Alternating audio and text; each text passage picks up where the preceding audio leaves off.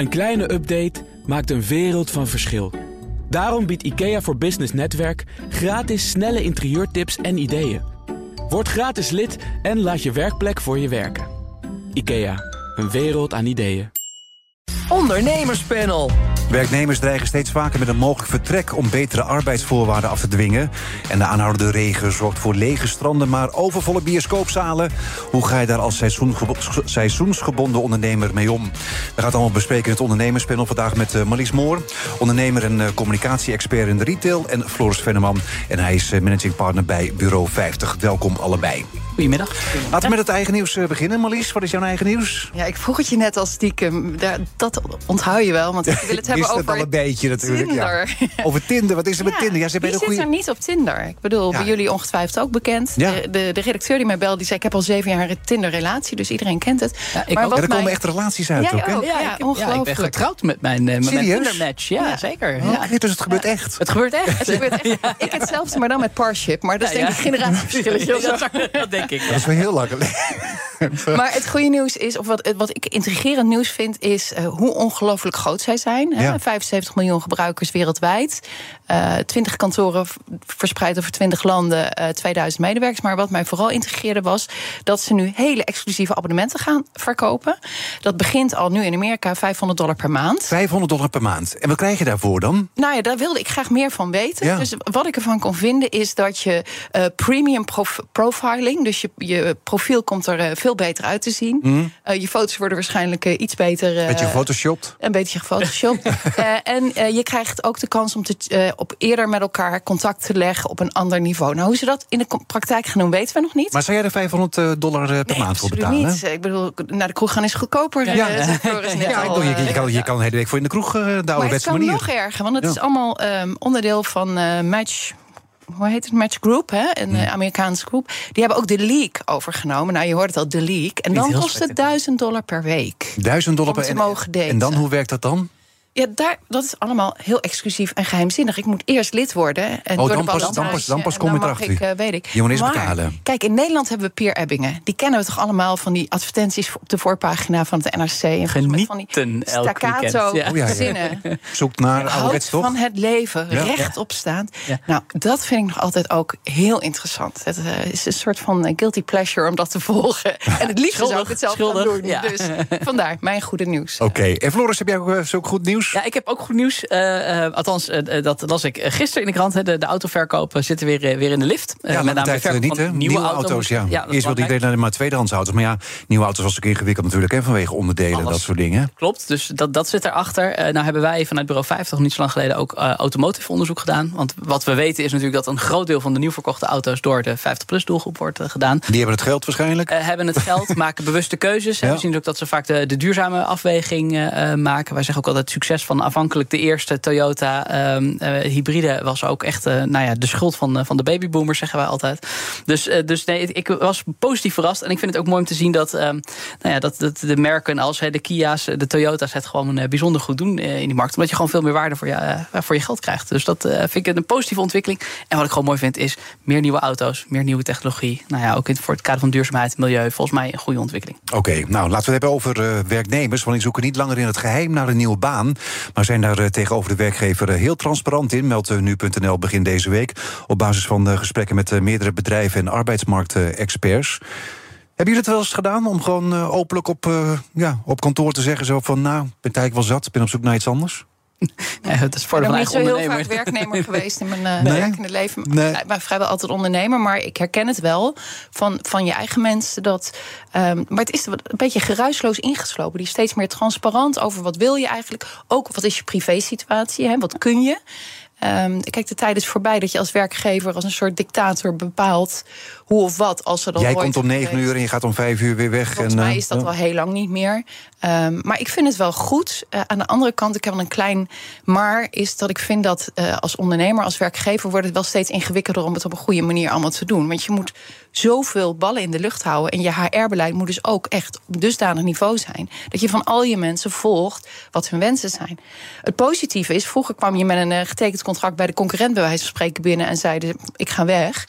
En nu is er wel meer communicatie. Ja, het was natuurlijk vroeger inderdaad uh, not done. Als je dan niet meer naar je zin had op, uh, op het werk, dan ging je gewoon op zoek naar iets anders. En wat je zegt, dan had je al iets anders en dan zeg je je gewoon op. Maar wat, wat, wat is fijner? Dat nu ook gewoon werknemers openlijk zeggen: van nou, ik ben op zoek. Want eigenlijk is het ook gewoon een drukmiddel natuurlijk ook. Hè? Ja, maar ik denk dat het nog een wezenlijk verschil maakt in wat voor sector of wat voor rol je zit. Kijk, als ik even naar ons bureau kijk, wij hebben natuurlijk een heleboel mensen aan boord die, nou ja, die, die ontwikkelen zich met ons bureau mee, doen veel kennis op. ja, als dan een collega op een gegeven moment zegt: joh, mm, ja, ik weet niet, ik zit niet helemaal lekker op mijn plek, dan ben ik erg gemotiveerd om te kijken, joh, kunnen we daar samen een rol? Of is het gewoon klaar? Weet je, soms is een relatie hè, is gewoon ja, klaar. Gaat, dus dat geldt voor alles, ja. Dat geldt voor alles, ja. ja. Maar ik kan me wel voorstellen dat dus, dus als een collega tegen mij zegt, joh, Floris, ik weet het niet, hè, misschien uh, toch eens een keertje naar wat anders kijken.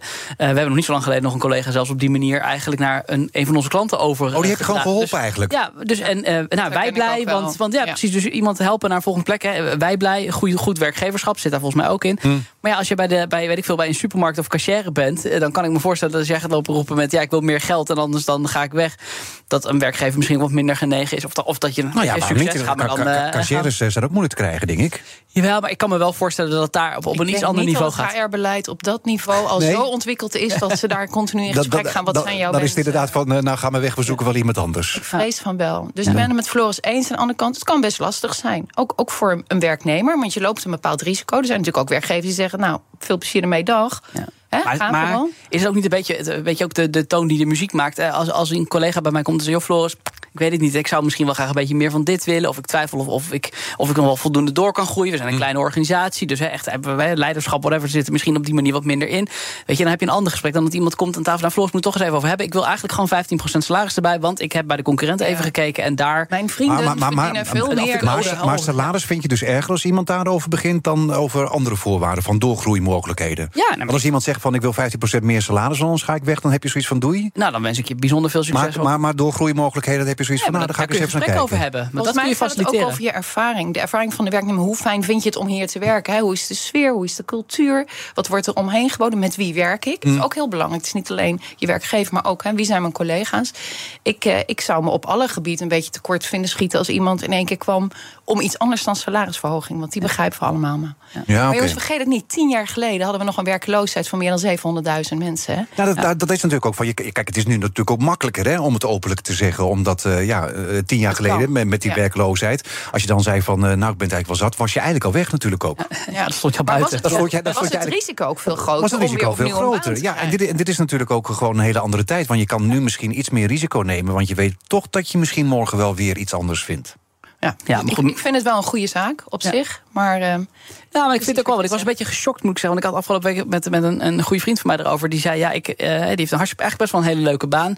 Maar zijn werkgever, uh, hij weet gewoon, weet je, ik word onderbetaald. Maar ik heb het best wel naar mijn zin. Maar op een gegeven moment gaat het een beetje schuren. Dus hij heeft al een paar keer aangegeven: joh, daar moeten we toch eens een keer over hebben. En die werkgever zegt elke keer over een half jaar. Nu even niet, want de markt. Mm. Nu even. Dit is elke, elke keer, keer is de reden. Ja. ik kan me echt wel voorstellen. Ik, bedoel, ik vind dat, dan snap ik dat je op een gegeven moment zegt: ja, weet je, wacht eventjes, je hebt nu 80 keer dit uitgesteld. Op een gegeven moment is het een keertje, is het een keertje klaar. En dat vind ik wel weer een andere situatie nog weer dan. Uh, nou ja, maar dat is eigenlijk de ouderwetse situatie. Ja, de ouderwetse situatie. Maar, maar, als er openlijk over gesproken wordt, kan bijvoorbeeld één collega kan dan inderdaad eh, zeggen van, nou ja, ik vind eigenlijk dat ik onderbetaald word. En als hij dat openlijk zegt, dan ga je misschien als werkgever denken van, nou ja, laat ik er maar wat bij doen. Hè? Want ik wil het personeel graag houden. Ja, dan komen er nog twintig anderen. Ja, nou ja, dat is. Uh, hoe, hoe ga je daarmee om dan? Dat is best ingewikkeld. Zeker als je een beetje in een bedrijf werkt waar je met salarisschalen zit. Hè, waar toch bij bepaalde functies met een bepaalde ruimte natuurlijk uh, je daar aan houdt. En daar kun je je dan misschien niet meer aan houden. En je weet, en dat vind ik ook terecht, dat mensen die informatie met elkaar delen.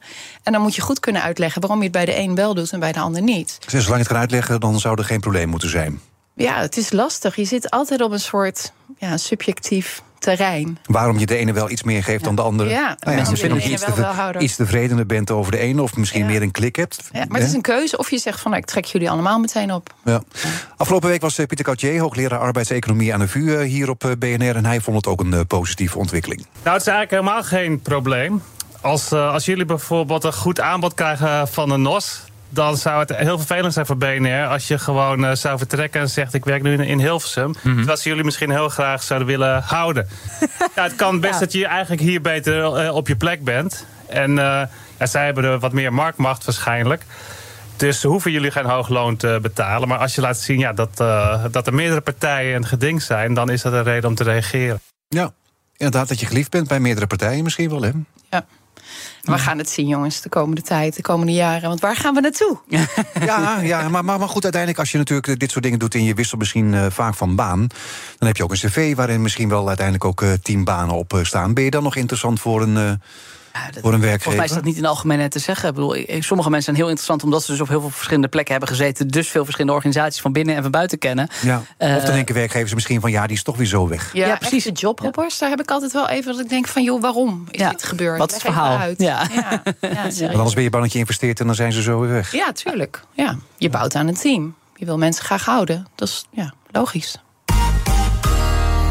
BNR Nieuwsradio. Zaken doen. Edwin Mooibroek. We zitten midden in het ondernemerspanel vandaag met Marlies Moor, ondernemer en communicatie-expert in de retail. En Floris Venneman, hij is managing partner bij Bureau 50. Metaalhandelaren die worden door banken gedwongen om het gebruik van contant geld terug te dringen. Maar ondernemers komen daardoor in de knel. Het FD schreef er afgelopen week over. Ja, ze doen natuurlijk overal zaken. Mensen komen schroot komen ze inleveren van heinde en ver. En dan krijgen ze gewoon cash geld voor. Je zou eigenlijk zeggen van wat is het probleem? Want dit is toch altijd een wettelijk betaalmiddel, toch? Dat was, ook, dat was mijn eerste reactie. Ik dacht, nee, dat is toch logisch? Dat is de markt van handje contantje. En zo gingen wij vroeger, toen ik in Utrecht studeerde... ook onze halfbakken wat er over was van je auto. Dan reden we daar naar zo'n ja. schoothandelaar... en dan kreeg je 300 gulden voor terug. Wat is erg. Totdat ik zag dat het over 28 miljoen aan cash gaat. Ja, er gaat, er gaat heel veel geld gaat er inderdaad in. Maar, ja, maar, goed, maar het is wel een wettelijk betaalmiddel nog steeds. Ook is het 28 miljoen, is het nog steeds een wettelijk betaalmiddel. Ja, dus, dus, en dat was ook mijn... Dat ik denk, ja, weet je, zolang het een wettelijk... Uh, dat het mag, zolang het een gewoon geaccepteerd betaalmiddel is...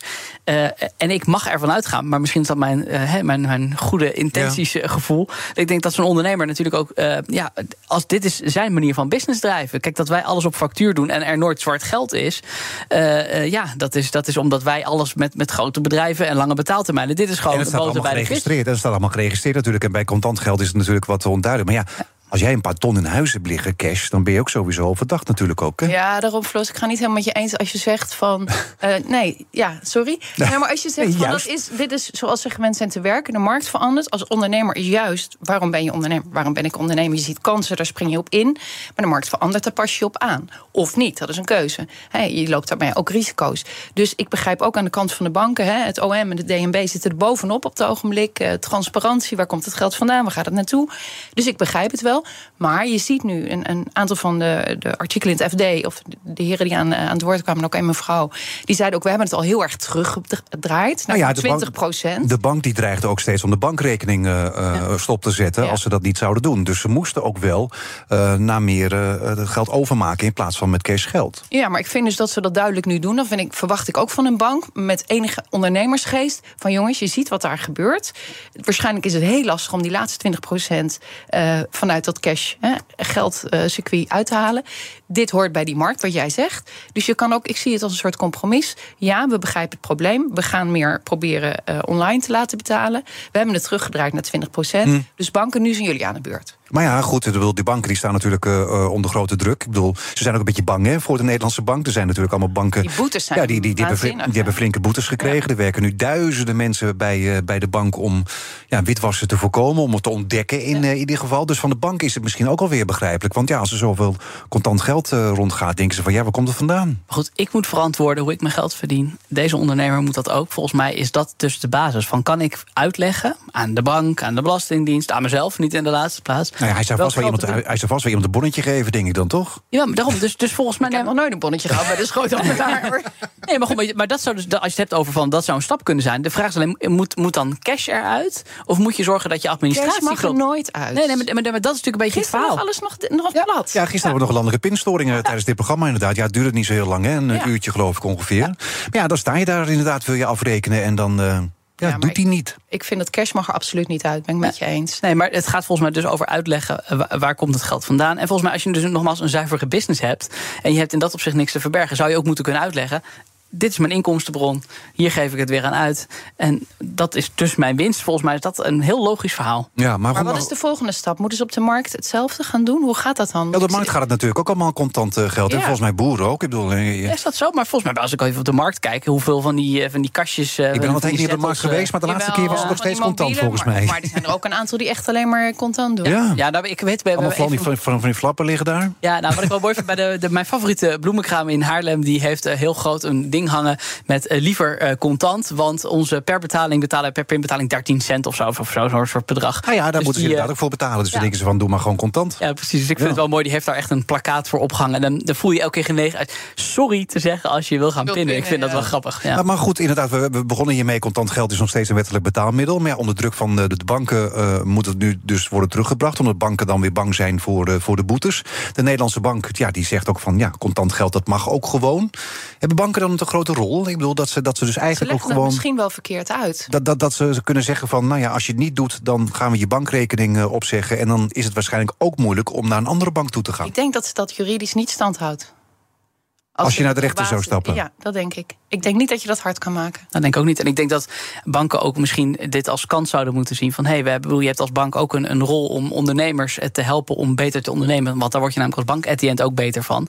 Dus misschien is het wel een stap in plaats van gij zult hè, het morele vingertje omhoog doen. Joh, maar hoe kunnen we u nou helpen om misschien wel allerlei innovaties of faciliteiten. Ik kan me namelijk voorstellen dat de beste Frans, geloof ik, hè, de, de, de, de handelaar die in dit artikel genoemd werd. Oh, het was een pseudoniem, hè? Hij wilde niet. Hij wilde niet met, ja, goed, hij wilde niet met de, nee, met de echte naam krant. Vrouw heette wel zo. Ik, ik weet even niet meer hoe ze heette. Maar, maar ik dacht, hè, weet je, hoe, kunnen we, hoe kunnen we Frans nou helpen om uh, bepaalde processen misschien uh, beter te maken? Of misschien wel zo'n kastje om, om pinbetalingen voor, hè, voor een deel van de betalingen wel te regelen. Weet je, je kunt als bank ook zeggen, in plaats van alleen maar morele vingertje, of gewoon zeggen nee, we verbieden het of we zeggen je rekening op. Joh, hoe kunnen we jou als ondernemer nou helpen om dit misschien wel beter te doen, slimmer te doen? Want misschien wil Frans hier ook wel vanaf. Nou ja, misschien wil Frans ook wel gewoon contant geld blijven gebruiken. Maar ja, het blijft ingewikkeld met contant geld. Want je kan nooit helemaal controleren waar het vandaan komt. Nee, maar hoeveel je hebt gekregen. dat blijft natuurlijk ingewikkeld. aan deze business. Is het in de, elke kroeg? Weten we elk biertje wat afgerekend wordt waar het vandaan komt? Elke kapsalon? Eh, gaan we nog even door, snackbar? Nou ja, nog meer mensen aannemen bij de bank dan, hè? Jij had toch ook zo je envelopje met cash op het ja, ja. Ik wel zo, ja. ja, Oh, nee, wachten we niet. Uh, ja. Maar de minister van Financiën Sigrid Kaag... die kondigde eind mei aan te werken aan een wet... die de beschikbaarheid van contant geld moet garanderen. Ja, dat komt natuurlijk ook niet voor niks, hè, dat er een wet komt om contant geld te garanderen. Want ook het aantal pinautomaten. Ik bedoel, ik moest de laatste keer contant geld hebben. Ik moest echt op zoek. Halveerd, hè? Ik moest echt op zoek. Ik denk van, waar, waar, waar zijn die pinautomaten gebleven? We hebben nu tegenwoordig de geldmaten op, op de meest ja, van, plekken. Van, van, van alle banken doen ze nu, uh, ja. ja. Ja. Nee, ja, ik ben het met je eens. Ik ben totaal voor de beschikbaarheid van contant geld. Dat moet gewoon blijven. En levert dat problemen op in sommige businesses? Ja, dat is zo. Ja. Nou ja, dat, daar zullen we dan een mouw aan moeten passen. En ik zou de heren van de bank, vooral die daar bovenin die toren zitten, uitnodigen, is mijn schoothandelaar te gaan kijken hoe het in de praktijk werkt. Dan begrijp je dat die 20% cash blijft. Oké. Ja. Nou, het regent. Ja, dat is ook nieuws vandaag. De afgelopen week inderdaad eh, flink. En daardoor eh, verwelkomen strandtenten minder klanten dan normaal. Eh, daarover schrijven verschillende media deze week. De Telegraaf vanochtend ook nog. Ja, volgens de branchevereniging Koninklijke Horeca Nederland heeft dat ja, niet geheel verrassend een nadelige invloed op de omzet. Hebben jullie al in een uh, strandtent uh, gezeten? Zeker. Ja, maar in, in, juni of de afgelopen nee, nee, weken ook nog? Ik, ik woon in Haarlem, vlakbij Zandvoort. Dus wij gaan regelmatig s'avonds even een hapje eten. Ook als het buiten regent. Ja, ja, maar daar zeg je meteen mee. Wat ook een aantal strandhandel-eigenaren aangeven. Die horeca, vooral diner, loopt goed door. Dus de, de, klacht van de een is niet de klacht van de ander. Kijk, je mist wel de, de, de, de, de, strand, de badgast. Uh, maar de bedjes compenseert en de, ja. Aan de andere kant, de maand juni was de heetste ooit. Dus toen hadden ze de hoogste omzet. Jawel, maar goed, de afgelopen tijd is het natuurlijk wel weer flink aan het regenen. Hè? Ik bedoel, kijk, je gaat natuurlijk nu niet voor je lol op een strandtent uh, zitten. Nee, maar als het, het, het is ook ondernemerschap. Ik kan zeggen, ja, je weet toch dat je een seizoensbedrijf hebt... wat soms briljante zomers en soms hele slechte zomers. Ja, volgens mij is dat ook risico van het vak. Ja, precies. En ja, Chris Klaag is ook een beetje Nederlands natuurlijk. Hè? Het hoort er ook een beetje bij. Daar zijn we dol op. Maar uh, wat volgens mij wel kan helpen... is als ze het hele jaar open mogen blijven. Hè? Want het is al verlengd, begreep ik. Dus we moeten nu van november tot februari weg van het strand. Ja, dat hangt een beetje ook weer van gemeentes af en vergunningen en wel vast en niet vast. Dus er zit een zo complexe wereld aan. Maar ik denk, ja, volgens mij is er, is er niks mis mee. Maar heel veel, trouwens, heel veel strandondernemers willen het ook niet. Hè? Dus die, die, hebben, die zijn gewend aan dat seizoensritme en opbouwen, afbouwen. Er zijn ook een heleboel ondernemers die zeggen, ik vind het eigenlijk wel prettig. nou ja, kijk, als je, als je een goede zomer hebt gedraaid, als het natuurlijk mooi weer is. Ik bedoel, er gingen, gaat nogal wat bedragen in om, wat ik uh, begrijp. Cash, denk ik. Cash, cash, ja, zo zou cash ja. Hebben ze daar geen mobiele pinautomaat? Nee, maar er gaat natuurlijk heel veel geld in om als, de, als het mooi weer is. Maar, en dan kan je misschien ook wel de winter uh, overleven. Maar ja, als je nu zo'n slechte zomer hebt, heb je misschien een maand juni. Ja, maar wat dan? wat moeten we dan? Ik bedoel, we kunnen hetzelfde zeggen over de indoor in, in de hete zomer. Kijk, we, de, de bioscoop had het beste weekend ooit, geloof ik, met Barbie. en, ja. nou, en, en ja, daar kun je ook zeggen van als, als het de hele zomer warm is, oh, oh zielig, al die indoor activiteiten. Ja. Het is gewoon business, jongens. Je bent ondernemer. Ja. Ga ervoor. Ja, en in het ene jaar heb je dan uh, misschien mazzel, in het andere jaar heb je dan uh, misschien wel pech, bedoel ja, jij? Of zoek naar andere. Ja, nou ja, we zijn het lekker eens. Uh, Eduard uh, Schaapman van Tribes gaf hier afgelopen week ongevraagd advies aan de strandtenthouders. In Nederland hebben we 420 strandpaviljoens en daarvan zijn er 150 die mogen blijven staan. Het belangrijkste is inderdaad dat de tenten die dus een vaste positie hebben, uiteindelijk minder last hebben van omzetdaling, omdat zij nog allerlei andere zaken ook daarbij kunnen regelen. Als je een goede binnenruimte hebt, kun je nu nog steeds een trouwpartij geven, een verjaardagfeest mhm. geven binnen. Als je die niet hebt als uh, ja, strandpaviljoen en je hebt alleen maar de container of uh, het houten barak, ja, dan, dan is het moeilijker om iets te organiseren. Ja, moeilijk om het te organiseren inderdaad. Ik bedoel, maar ja, je zei het al, van, uh, het zou misschien wel een goed idee zijn... om in standtenten gewoon het hele jaar er ja, te laten wil. staan. Voor wie wil. Ja. ja, maar gemeentes die willen dan inderdaad vaak niet. Ja, omdat horeca, die bijvoorbeeld meer op de boulevard zit, mist dan weer een stuk omzet. Ja. Dus het is gewoon belangenbehartiging. Ja, ja. een afweging. Maar inderdaad, als je het hele jaar mag staan, dan kan je inderdaad ook een trouwerij eh, doen. Of je kan uh, speciale dingen doen. En dan kan je misschien ook een grotere binnenruimte kan je misschien bouwen. En als je dan een slechte zomer hebt. Ja, maar er zijn enorme strandpaviljoens die worden opgebouwd en weer afgebroken. Dat, dat, bedoel, het zijn niet alleen maar die houten barakken waar. Uh, nee, maar aan de andere kant. Je hebt, ze werken bijna allemaal met flexpools. Ja. Dus ze, ze schalen op bij drukte en mooi weer. En nou ja. gaat, ik las een artikel van een waar normaal 40 man liep als het druk was en nu maar drie. Ja. Dus qua kosten kun je natuurlijk een stuk variabel hebben in de hand. Jawel, maar het is wel zo. Maar dan heb je nu, je hebt inderdaad 40 mensen op je lijstje staan. En je hebt er dan nu misschien drie nodig. Nou, het regent geloof ik al uh, vijf weken. Dus die vijf weken kan je er met die drie af. En dan volgende week is het mooi weer. Denk je nou echt dat die 37 nu bij de telefoon blijven zitten wachten?